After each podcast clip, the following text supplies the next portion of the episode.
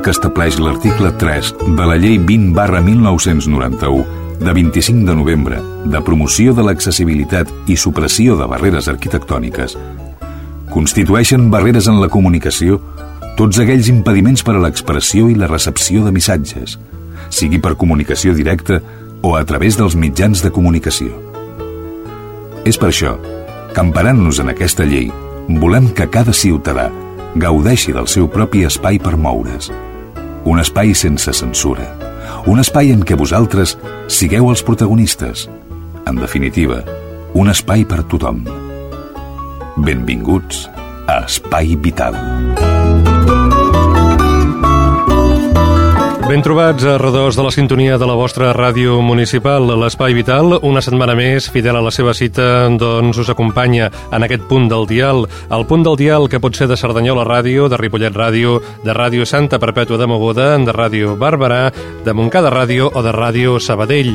Som les sis estacions radiofòniques municipals del Vallès Occidental que fem possible aquest programa.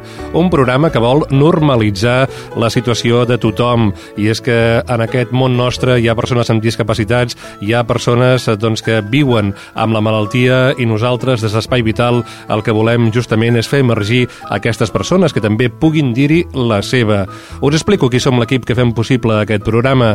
Companys i companyes de les ràdios municipals esmentades que ens envien setmana rere setmana les cròniques eh, que fan referència a aquesta temàtica, la temàtica de l'Espai Vital a les seves localitats. Tenim la Teresa Diviu, que és la cuinera adaptada. Bon dia, Teresa. Bon dia a tothom. Com estem? Estem. Que és important. I tant, mentre ens veiem més qui som, no? I tant que sí. Això és lògica, eh? Lògica popular i segur. Home. Mentre veiem és que hi som i el que convé és afrontar la vida amb alegria. Sí, això sí, que tingui tothom alegria, almenys. Molt bé. Perquè si es té una mica d'alegria es passa d'una altra manera. I tant que sí. També tenim amb nosaltres a l'Alfredo Ángel Cano, que és el cercador. A partir d'aquesta setmana el tindrem enllaunat, el tindrem amb col·laboracions enregistrades per qüestions laborals, però vaja, ens agrada el compromís d'en Freddy Cano, que vol seguir present en aquest espai vital i ens deixa la seva col·laboració, diguem-ne ja pregravada. Escoltarem eh, la seva participació més endavant. Tenim en Jordi Puy, que és el nostre àngel tècnic de la Guarda, que s'encarrega de fer possible que tot això que fem davant dels micros funcioni. I un servidor, Jordi Jorba, presentant, coordinant aquest programa, sempre amb el vistiplau d'en Xavi Casas. Això és l'equip de l'Espai Vital. Que què farem avui? Us ho comentem tot de seguit.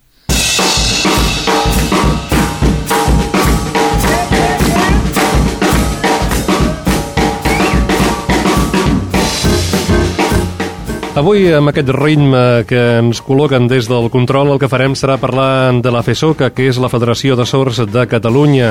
Parlarem amb la seva presidenta, Encarna Muñoz. Per què parlarem amb Encarna Muñoz? Doncs perquè el Parlament de Catalunya està aprovant una llei, està en procés d'aprovació d'una llei que vol regular l'ús de la llengua de signes catalana. Sabeu que a l'estat espanyol, a Espanya, hi ha aprovades les dues llengües de signes, en castellà i en català, que jo no ho sabia, Teresa, signes, a tu sabies? No, no ho sabeu. Que hi ha dues llengües de signes? Però, esclar, amb les mans es fa... Sí, es fa amb les mans, però n'hi ha dues. Hi ha, la, hi ha el castellà el, castellà i el català. Ah, això mateix. Les dues són oficials, el, diguem-ne, estan aprovades, tenen, ehm, diguem-ne, consignació d'oficialitat a nivell de l'Estat i ara s'està desenvolupant una llei pròpia de Catalunya.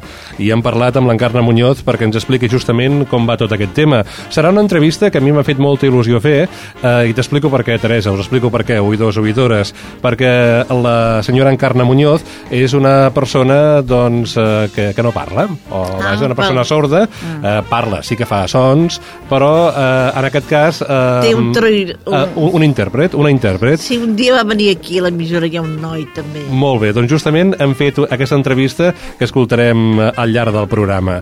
També parlarem amb en Jorge Román, que és un perruquer de Cerdanyola que promou un show, un show de perruqueria per a recollir fons econòmics destinats a la Fundació Esclerosi Múltiple.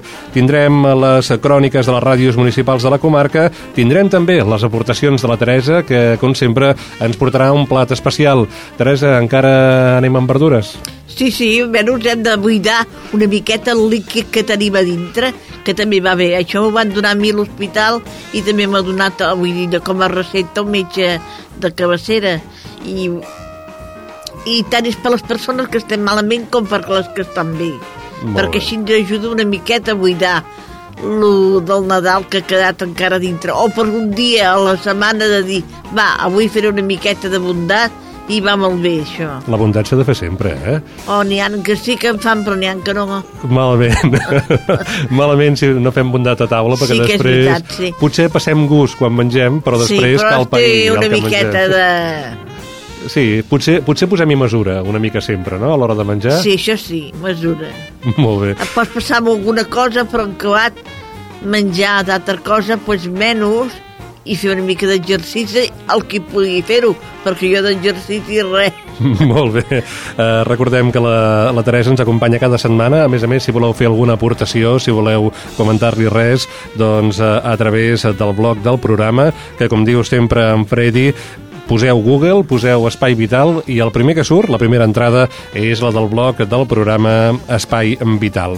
Tindrem, tindrem en Freddy, ara que l'esmentàvem, amb la secció dedicada a justament destacar les notícies més importants, al seu entendre, que s'han publicat al blog.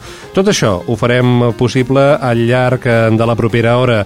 Com sempre, nosaltres engeguem la maquinària, fem que funcioni el motoret de l'Espai Vital i arrenquem eh, tot el que comporta aquest programa. Endavant, doncs. Estàs escoltant Espai Vital.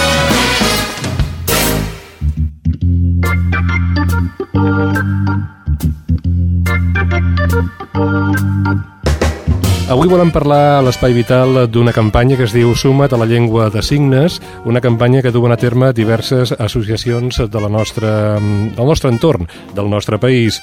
En concret volem parlar amb la senyora Encarna Muñoz, que és eh, la presidenta de la Federació de Persones Sordes, Persones amb discapacitat auditiva de la nostra, del nostre país, del nostre entorn. Ens acompanya via telefònica i avui l'escoltarem, eh, diguéssim, amb el préstec de la veu eh, de la Fani, que farà d'intèrpret. Bon dia. Bon dia. Eh, actualment el Parlament de Catalunya està debatent i suposem aprovarà un projecte de llei de regulació i difusió de la llengua de signes catalana. Eh, diverses associacions eh, de persones sordes doncs, promouen la campanya Suma't a la llengua de signes. Eh, senyora Muñoz, eh, ha estat eh, important donar suport a aquesta iniciativa legislativa perquè vostès potser no veien massa clar que s'aprovés la llei o simplement volen que la societat civil doncs, faci costat als seus polítics? Mm, bé, el, el tema de la campanya és eh, donar a conèixer, en aquest cas, l'existència d'una llengua viva i, de, i dinàmica. Eh? Aquí a Catalunya, al nostre entorn. A Espanya, de fet, ja es va aprovar el reconeixement de la llengua de, de, la llengua de signes o de dues llengües de signes aquí a l'Estat.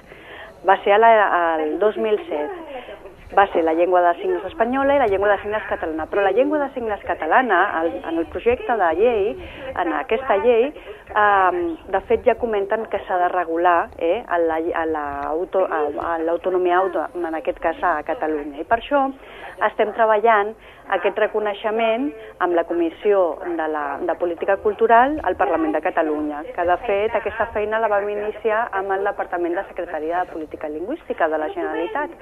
I el govern, de fet, eh, el va aprovar i ara està al, al Parlament amb, amb torn de compareixences.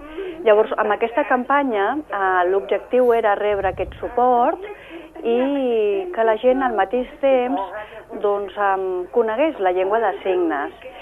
I, de fet, en el Facebook es pot apreciar, es pot veure tota la resposta molt emotiva mm, donant suport a la llengua de signes, perquè, de fet, eh, de fet, eh, aquí a, a Catalunya hi ha 25.000 usuaris i 15.000 són persones sordes usuàries de llengua de signes.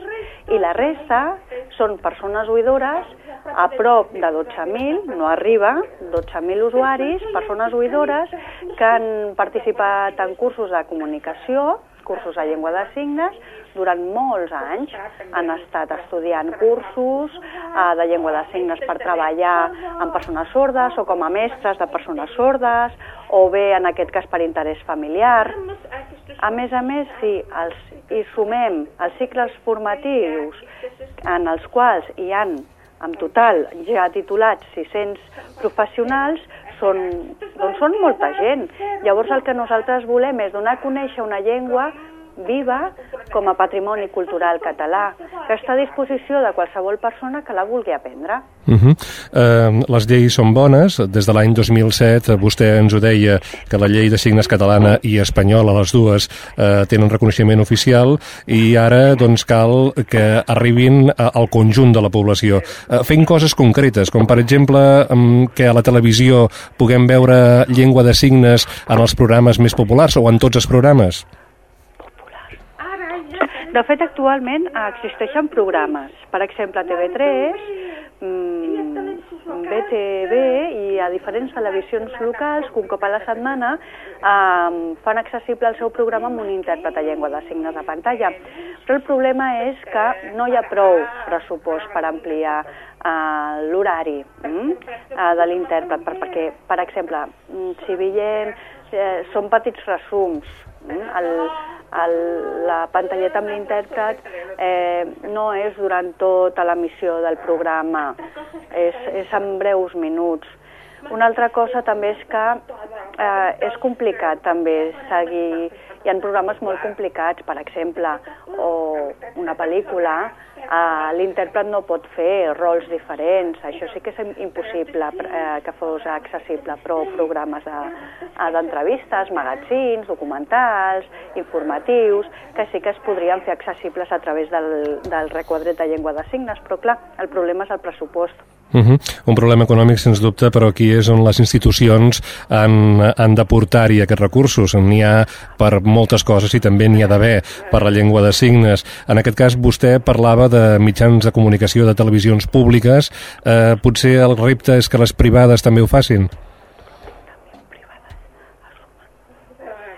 clar, ho haurien de fer, perquè de fet les persones sordes som clients, som usuaris de les televisions privades i clar, també ens han d'aportar aquests drets com a ciutadans que som. Uh -huh. um, parlàvem de la campanya Sumat a la llengua de signes, que, uh, per cert, ho diem ja, si hi ha cap persona que ens escolta que hi vol accedir, doncs pot entrar a l'adreça sumatalalenguadesignes.org. La presidenta, la senyora Muñoz, ens parlava de la resposta emotiva que s'ha aconseguit a través del Facebook i d'altres uh, canals. Senyora Muñoz, l'ha sorprès? Uh, és un símptoma de normalitat també de les persones sordes, que vaja, que una mica que la societat la formem totes i tots, eh, gent amb discapacitats, amb algunes amb les altres, eh, una mica la societat som tots, ajuda a emergir la realitat de les persones sordes, campanyes com aquesta? Campanyes com aquesta ajuda perquè les persones sordes puguin emergir. Sí, sí, sí, sí, el suport és important perquè sabem que hi ha un col·lectiu que no està molt a favor mm, en referència a la llengua de signes i de fet també han fet una contra com ho explicaria el que han fet també és una una espècie de campanya eh, per marginar la llengua de signes catalana i és per això que nosaltres hem, el desig d'aquesta campanya ha sigut a trobar el, el suport perquè penso que la diversitat, el respecte i principalment les llengües, les llengües en, en plural són importants, perquè a més a més tots sabem que el suma, la suma beneficia moltíssim el restar no. El més important sempre a la vida és anar sumant, no anar restant.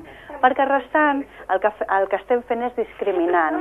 Mm? I el que volem és una diferència, que sigui una diferència positiva i el respecte a la diversitat amb les persones amb discapacitat, les que sigui, i uns, i uns mitjans adaptats a les seves necessitats. I en el nostre cas, en el nostre col·lectiu, és la llengua de signes, perquè la necessitem. Uh mhm. -huh. Perquè, a més a més, les persones sordes també parlen, però per accedir a la informació, el problema és que no t'arriba la informació per via auditiva. I, clar, si en aquest cas, com ens arriba aquesta informació? Per via visual. Uh mhm. -huh. I aquí sí que podem participar, com ara és un exemple, estic parlant amb vostè, gràcies a un intèrpret de llengua de signes, gràcies a la llengua de signes, perquè si no fos així, jo no podria atendre la trucada Uh -huh. uh, perfectament, perfectament. Uh, la setmana passada vostè compareixia davant del Parlament de Catalunya en aquest procés que ha de dur a l'aprovació del projecte de llei o de la llei de regulació i difusió de la llengua de signes catalana. Uh, quines sensacions uh, va tenir o ha tingut uh, d'ençà la seva compareixença, senyora Muñoz? Uh, creu que tot va ben encaminat, que hi haurà un bon acord, hi haurà una, una bona llei aquí a Catalunya? Home, espero que tot vagi bé, mm, perquè de fet actualment sí que tenim un neguit, una preocupació. Mm. Esperem que no surti una llei de llengua de signes i una altra de persones sordes. A veure, nosaltres hem treballat per una llei amb llengua de signes i perquè les persones sordes les diferents persones eh, que no utilitzen la llengua de signes, les oralistes, ja tenen els seus drets recollits en el Codi d'Accessibilitat, que és una altra llei que estem treballant, que és en el seu desplegament, i la llei estatal. Llavors, amb aquesta llei que volem? Que sigui una, una llengua reconeguda, una llengua més, com a patrimoni català, al igual que l'occità, eh, l'aranès que, que encara... I això nosaltres superem en número d'usuaris, d'usuaris um, de l'Aranès.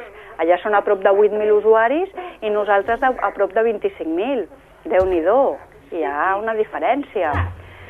Llavors, el que volem és que aquesta llengua, la llengua de signes catalana, sigui regulada.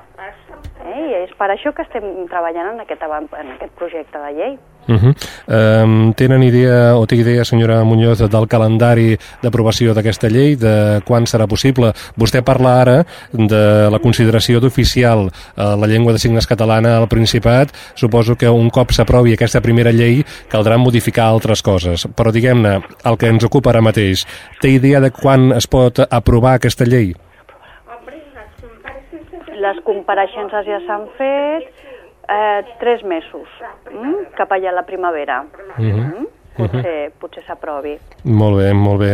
Uh, sens dubte és important donar-hi suport. Suposo, senyora Muñoz, que tot i que ja actualment s'està fent aquest procés parlamentari, és important que la gent doni suport a aquesta campanya. Uh, ens recomana o ens commina a que entrem a la plana web o al Facebook i donem suport a la ah, seva exacte, iniciativa? Exacte, sí, és el que anava a dir ara.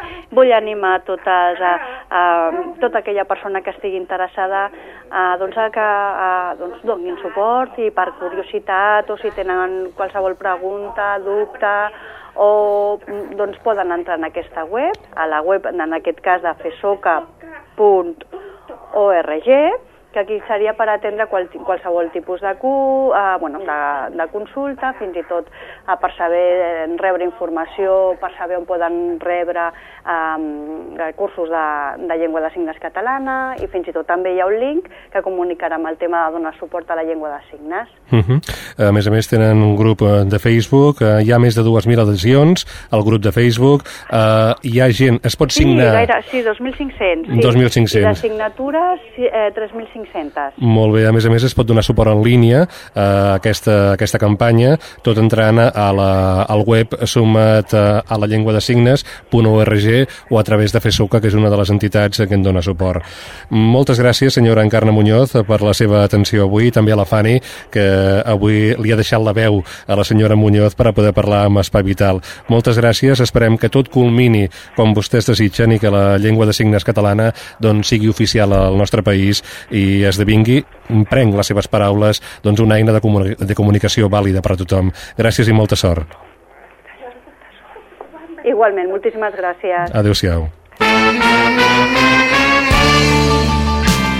Això és Espai Vital. A la sintonia de la vostra ràdio municipal, recordeu que aquest programa l'emetem conjuntament les ràdios municipals o el coproduïm les ràdios municipals de Cerdanyola, Ripollet, Santa Perpètua de Mogoda, Barberà del Vallès, Montcada i Reixac i Sabadell. S'enregistra als estudis eh, de Ripollet Ràdio, uns estudis adaptats on tothom doncs, pot accedir-hi sense problemes. Us deia que la segona entrevista del programa d'avui va dedicada a una iniciativa solidària d'un perruquer de Cerdanyola. És en Jorge en Roman. Ell és un home que, a banda, diguem-ne, d'atendre a les senyores eh, i senyors que s'hi acosten a la seva perruqueria, ubicada al carrer de Sant Martí, el que fa és muntar shows de perruqueria i de tant en tant en munta amb finalitats solidàries. Justament el que farà properament ho farà a Barcelona i ho farà amb la col·laboració de showmans com el disjockey Javi Mula, entre d'altra gent doncs, que participaran en aquest muntatge. La idea, com us deia, és recollir fons econòmics per la Fundació Esclerosi Múltiple.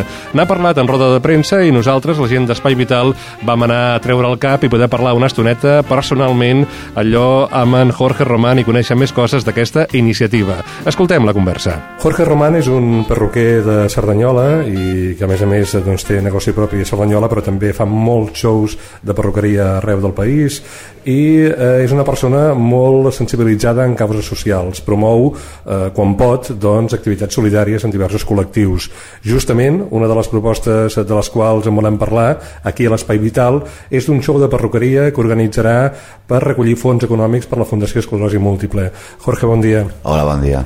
Eh, Jorge, explica'ns una mica um, això que vols muntar, això que vols organitzar, com serà, quan serà, a quin lloc... Bueno, ho fem a Barcelona el dia 28, el dijous que ve, eh, ho fem a la discoteca Opium, que està al costat de l'Hotel Arts, i bueno, muntarem un show de perruqueria i intentarem arreplegar els màxims fons possibles per a la Fundació d'Esclerosis Múltiple. Un show de perruqueria, però que a més a més hi haurà animació, perquè hi participarà gent com el disjockey eh, Javi Mula i altres coses que no sé pas si ens pots avançar. Bueno, és una mica sorpresa, entonces per això no volem avançar molta cosa. Sí que és veritat que tenim a, a un dels DJs més internacionals que hi ha ara mateix al món i un DJ impressionant, perquè a més és una persona que la veritat és que cobra molts, molts calés perquè té un catxer molt important i la veritat és que ho fa totalment de forma gratuïta i sense cap mena de problema. I sí que és veritat que tindrem altres actuacions, però bueno, aquestes ja les veureu a poc a poc. Eh, ha costat molt eh, convèncer la gent perquè participi en aquesta iniciativa? Bueno, com sempre hi ha de tot, hi ha gent que no ha tingut cap problema, hi ha gent que dona una mica més de problemes, hi ha gent que diu que no, però en general la veritat és que l'acceptació està sent molt bona i la veritat és que la gent està comportant-se molt, molt, molt bé. Eh, tu ets una persona que, com dèiem, fa un moment, doncs, eh, quan pots, has muntat shows solidaris a Cerdanyola o d'altres punts eh, del nostre país. Eh, la gent eh, respon al que tu organitzes, n'hem vist algun, alguna vegada, i la veritat és que hi ha hagut bona resposta. En general, creus que la gent aprecia eh, aquestes activitats i que, a més a més, quan les organitzes, doncs, s'hi aboca una mica a participar-hi? Bueno, la veritat és que el primer any que vam muntar una cosa va ser l'atelier de perruqueria amb, amb l'associació que vam fer d'atelier de perruqueria i van acudir unes 15.000 persones. Després sí que és veritat que van fer mm, dos anys més de l'atelier i bueno, va estar molt bé, un d'ells molt va pillar la pluja i no va anar tan bé.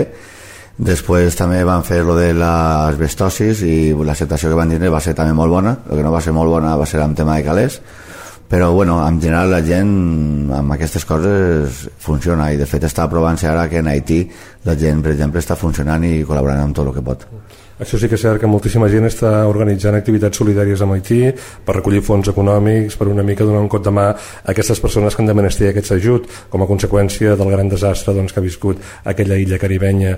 Um, aquí, a casa nostra, doncs, també hi ha persones que han de menester ajut. Uh, tu el tema de l'esclerosi múltiple el coneixes uh, allò perquè has llegit molt, per uh, potser coneixes cap persona que estigui afectada d'aquesta malaltia? Bueno, jo és curiós perquè quan vaig prendre la decisió i vaig parlar amb Javi Casas sobre el tema de l'esclerosi múltiple, eh, per fer-ho, vull dir, vaig tindre problemes amb, amb l'Ajuntament, per lo qual al final no es va poder fer. De fet, es van orar una setmana abans, amb algun mitjà de comunicació inclús va sortir.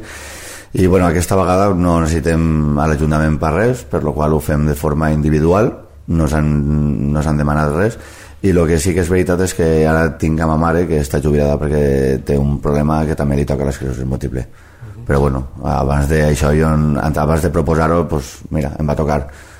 És el que hi ha molt bé, i el que és important és que col·lectius de la nostra societat, gent eh, que formen part de la nostra vida quotidiana s'impliquin, com és el cas d'en Jorge Román, que és perruquer, però hi ha molta altra gent que fa activitats solidàries. Eh, Jorge, eh, què se li pot dir a la gent que ens escolti ara mateix a través de les sis ràdios municipals que emetem aquest programa per eh, animar-la a participar en aquest show?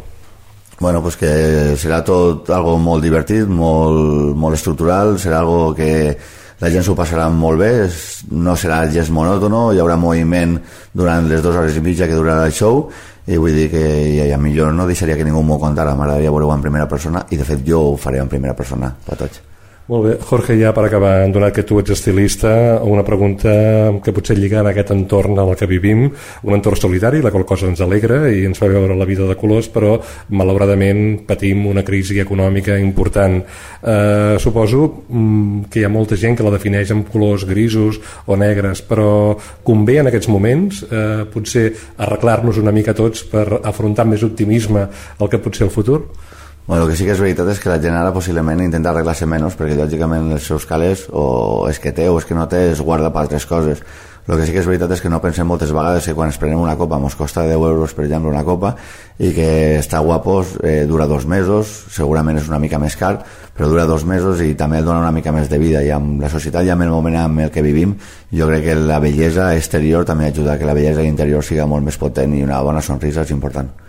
Molt bé, i tant que sí. Ja per acabar, eh, recordem eh, dia, hora i lloc per a participar en aquest show de perruqueria solidària amb la Fundació Esclerosi Múltiple. Bueno, pues és tan senzill com agarrar la ronda de litoral, buscar la sortida de l'Hotel Arts i buscar la discoteca Opium que està al costat, a comencem a les 9 i mitja de la nit i fins a les 12 de la nit estarem allí actuant i intentant treure els màxims calés possibles per a l'Associació d'Esclerosis Múltiple. Molt bé, Jorge, doncs moltes gràcies i molta sort. Moltes gràcies a vosaltres, adeu.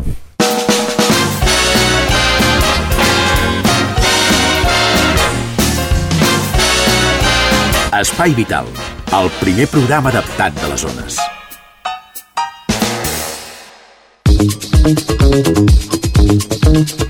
Ens ho va dir el poeta, ho va escriure i nosaltres ho subscrivim totalment. Com el Vallès no hi ha res. Nosaltres estem totalment d'acord i per això ens agrada treballar amb les companyes i companys de les diverses ràdios municipals que coproduïm aquest programa, l'Espai Vital. Avui començarem a la cocapital de la comarca, a la ciutat de Sabadell, i allà, allà a Ràdio Sabadell, ens espera la Karen Madrid. Ens parla i ens comenta coses de l'associació ETOS dedicada a la prevenció de la drogadicció i també a la rehabilitació de les persones que malauradament malauradament hi han caigut en les drogues. Quan vulguis, Karen. Salutacions a l'Espai Vital des de Sabadell. Avui parlem de l'associació ETOS per la prevenció i la rehabilitació de les dependències, que atès un centenar de persones durant l'any 2009, una xifra que s'ha assumit majoritàriament l'últim mig any, és a dir, des que l'entitat disposa de local propi al barri de Camp Puiggener. Una de les responsables d'ETOS, Dolors Martínez, n'apunta el per què. No, no disposàvem ni del personal ni disposàvem d'espai per poder atendre tanta gent. Pensa que nosaltres teníem cedit un espai a un centre cívic un cop o dos cops a la setmana, ara ja ni me'n recordo, però un parell d'horetes a la tarda.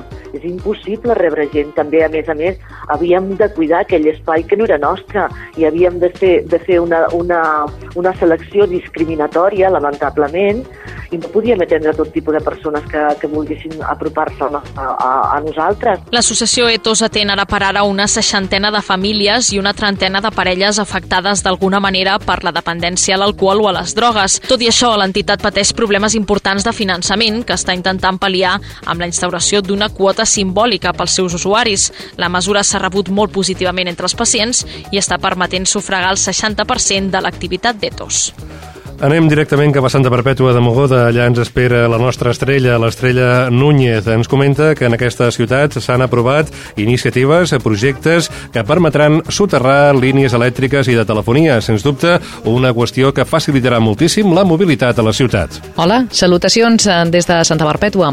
El Ministeri de Política Territorial ha aprovat els dos primers projectes presentats per l'Ajuntament de Santa Perpètua en el marc del nou Fons Estatal per a l'Ocupació i la Sostenibilitat Local.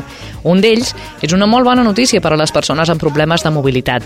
Es tracta d'una nova fase del soterrament de les línies elèctriques i de telefonia i de la renovació de la xarxa d'aigua al barri de la Florida amb un pressupost de gairebé 700.000 euros.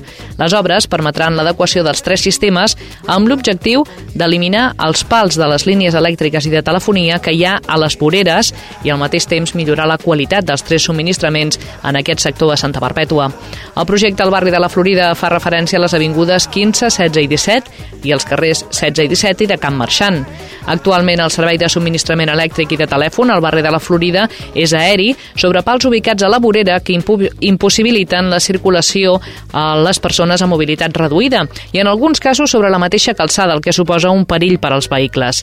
L'alcalde de Santa Perpètua, Manuel Ruiz, ha valorat molt positivament aquesta aprovació que permetrà continuar amb el soterrament de línies endegades fa uns anys i donar resposta a una demanda ciutadana històrica.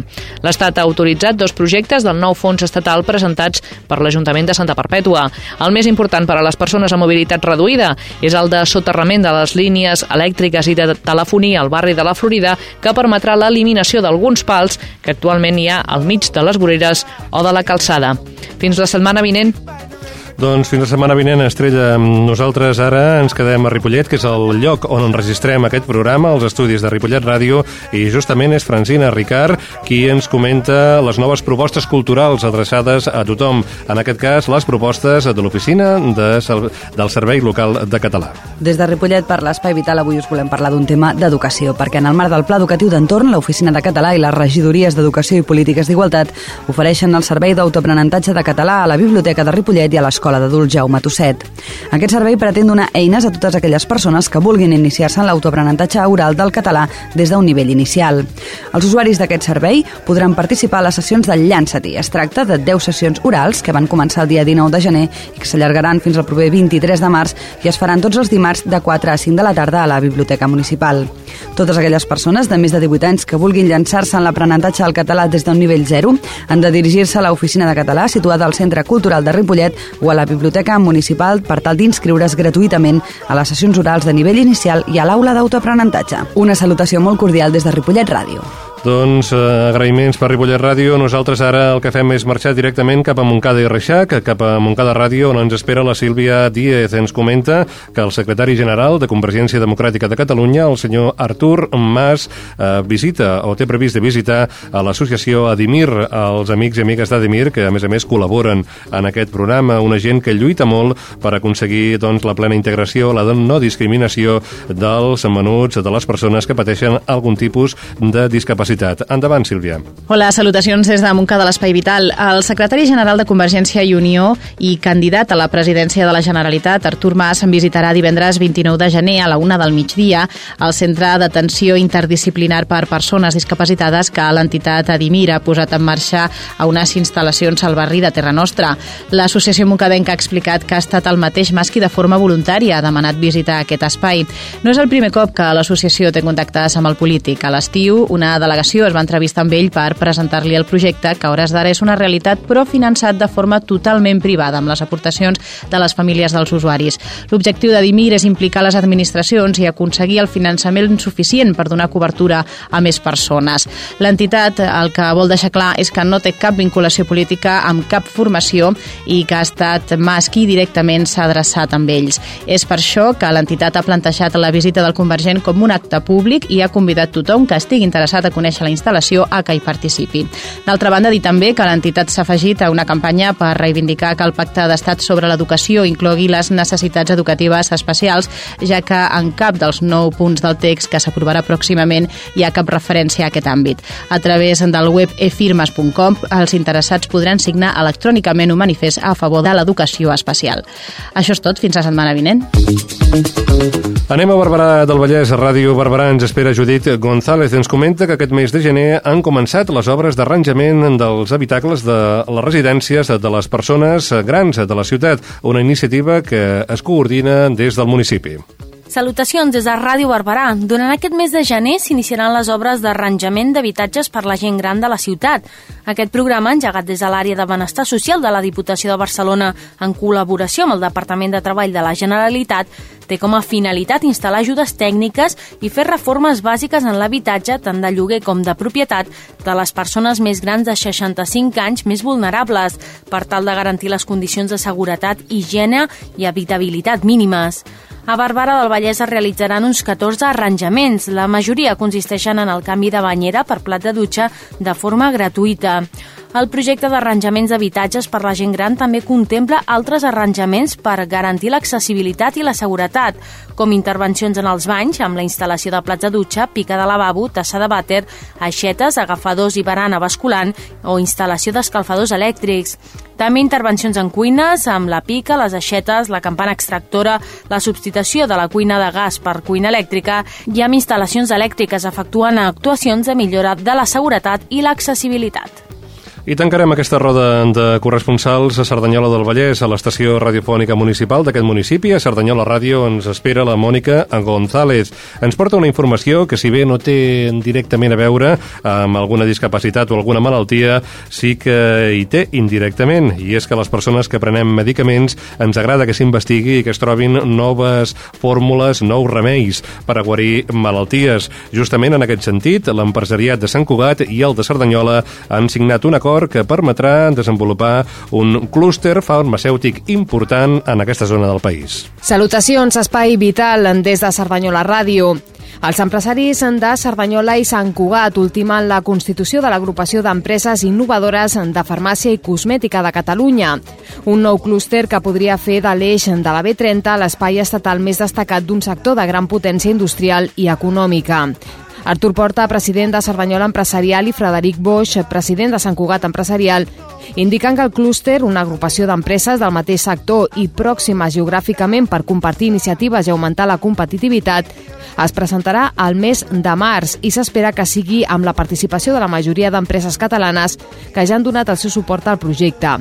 Entre elles eh, figuren empreses locals com Dentaït o Natura Vicé, entre d'altres. El nou clúster centrarà la seva activitat en el desenvolupament d'activitats d'innovació per crear nous productes, millorar els existents, obtenir noves tècniques per dissenyar fàrmacs o posar en marxa accions de cooperació, formació i transferència de tecnologia. Això permetrà, destaquen els empresaris, augmentar les exportacions. Porta subratlla que la indústria farmacèutica catalana representa el 60% de la facturació del sector al conjunt estatal i que la inversió en innovació durant el 2009 va ser de 380 milions d'euros, mentre Bosch indica que els clústers demostren un augment de productivitat del 12% i del 40% de la innovació respecte a les empreses que no estan agrupades. I això és tot des de Cerdanyola Ràdio.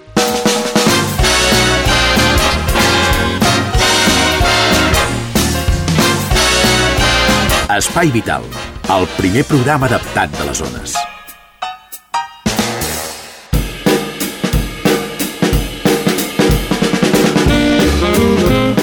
I a continuació el que fem a l'Espai Vital seguint el guió és donar pas al nostre amic, l'Alfredo Ángel eh, Cano, en Freddy, en Freddy Cano, el nostre cercador, que és la persona que s'encarrega de revisar els continguts del bloc del programa i veure què en destaca. Com us deia en un principi, quan presentava l'edició d'avui de l'Espai Vital, en Freddy Cano, per qüestions laborals, a partir d'ara ens acompanyarà, diguem-ne, enllaunat. Això no li treu frescor, això no li treu, diguem-ne, vivor, i tot de seguit escoltem el que ens hi aporta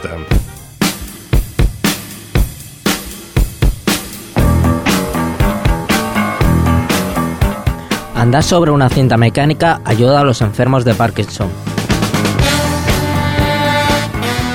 Como en el caso de muchas otras dolencias, el ejercicio puede ser un gran aliado para los pacientes de Parkinson.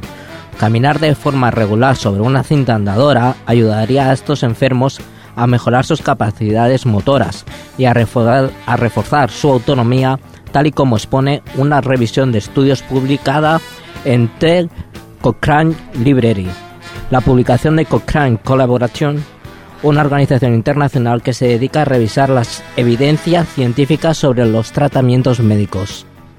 El Parkinson es una enfermedad degenerativa, progresiva e incapacitante que se caracteriza clínicamente por la lentitud de movimientos y el discurso, el temblor, la rigidez y la inestabilidad postural.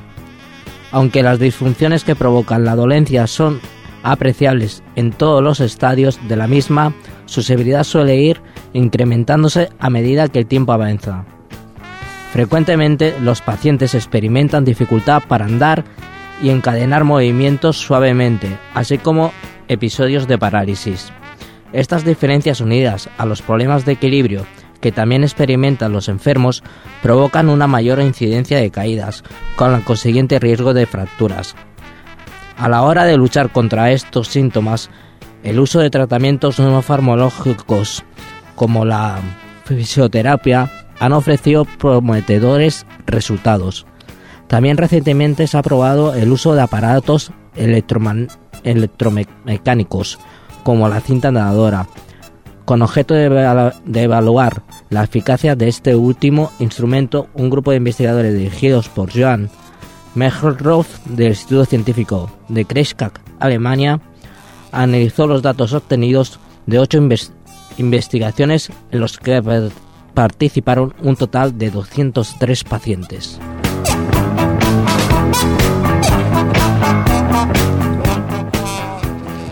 La tragedia de Haití es la situación más frecuente que me ha más fuerte que me ha tocado vivir.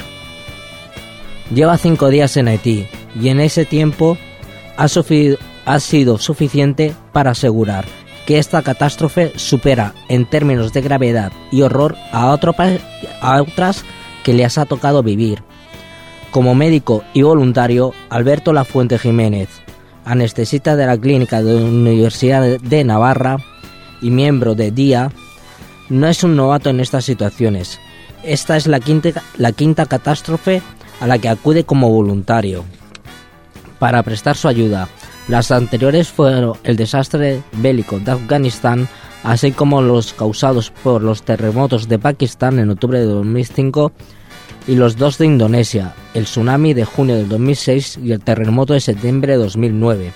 A pesar de su experiencia, la situación de Haití no ha dejado de impresionarle. Puedo decir que ha sido la más fuerte que he visto que, que, que mí he visto. Aunque, aunque yo creo que los integrantes del contingente que hemos venido desde España los estamos llevando muy bien, con mucha dignidad, aseguraba ayer de madrugada Alberto Lafuente.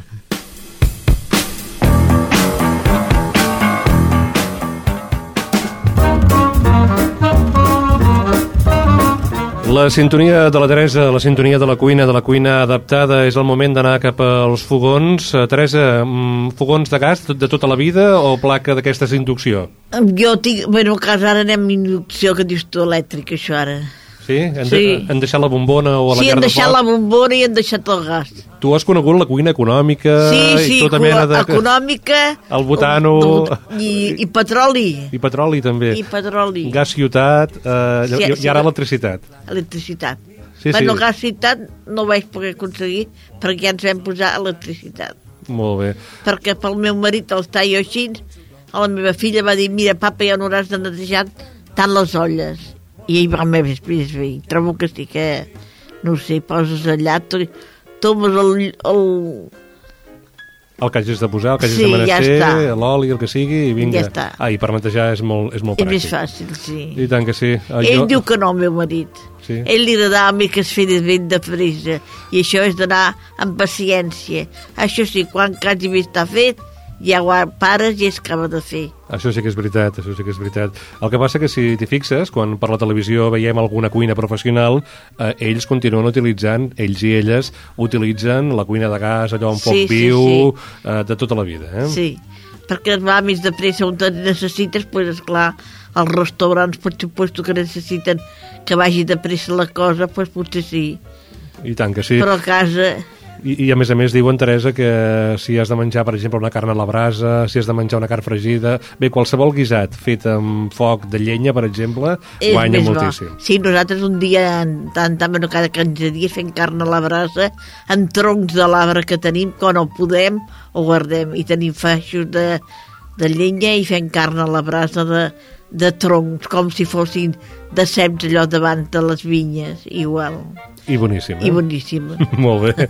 Avui no parlarem de car, per no, això. No, eh? avui no. Avui parlarem encara de fer una miqueta de neteja. La setmana que ve ja farem un arròs bullit amb verdures. Molt bé.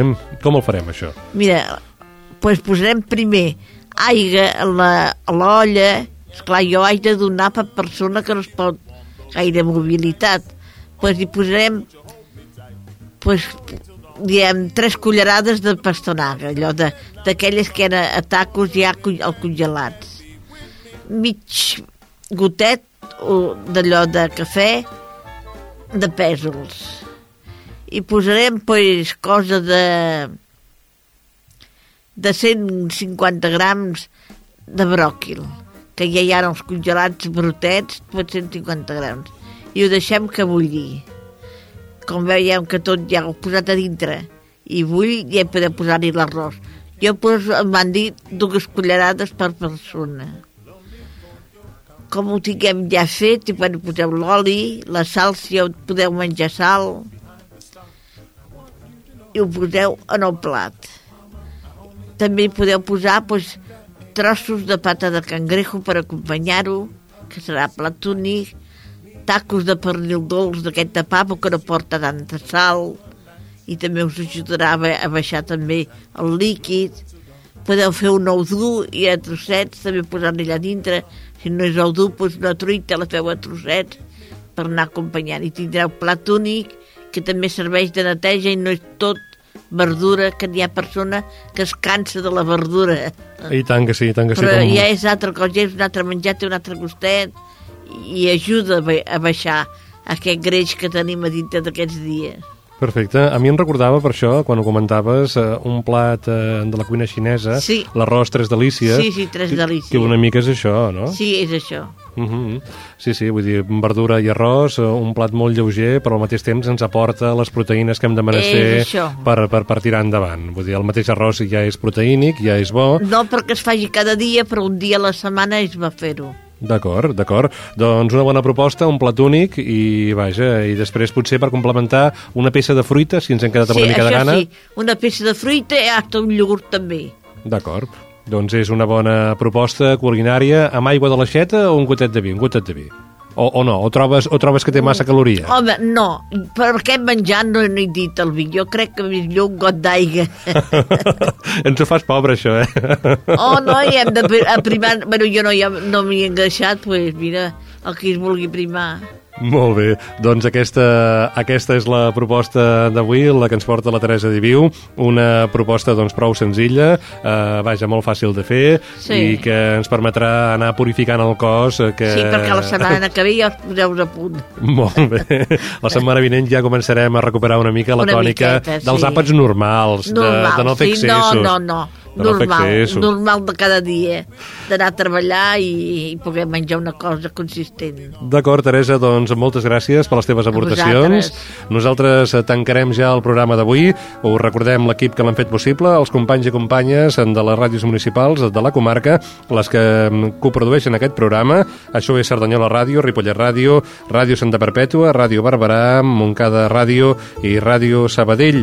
També hem tingut a la Teresa Diviu, al Freddy Cano, el Jordi Puy i un servidor, Jordi Jorba, com sempre, acompanyats i, i vetllant per nosaltres en Xavi Casas. Marxarem fins a setmana vinent, com sempre, amb una peça musical. En aquest cas hem triat el 50% del mític Último de la fila. És en Quimi Portet i el seu Homes i dones de peu dret. Adéu-siau. D'esquena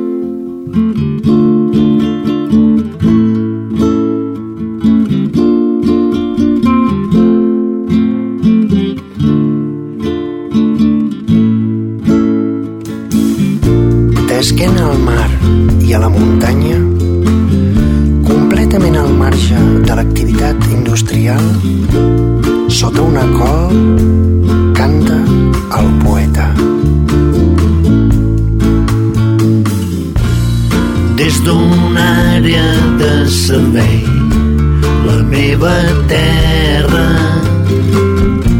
és com un parrac crepejat.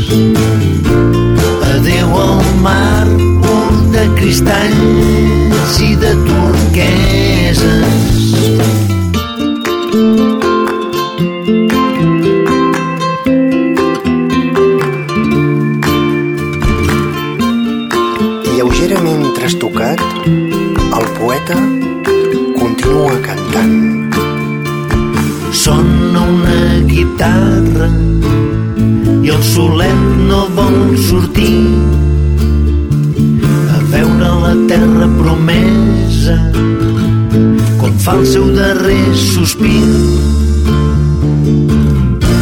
Vola pudors d'inferns brutes i abjectes. D'animals escorxats en tot de sang i merda.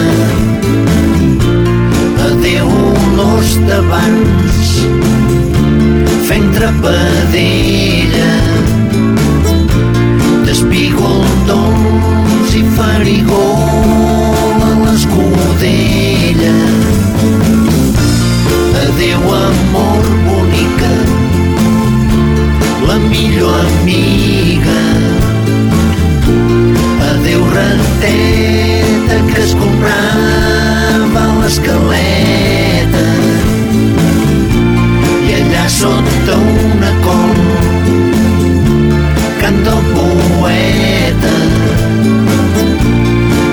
Si dones del cap dret, adeu per sempre.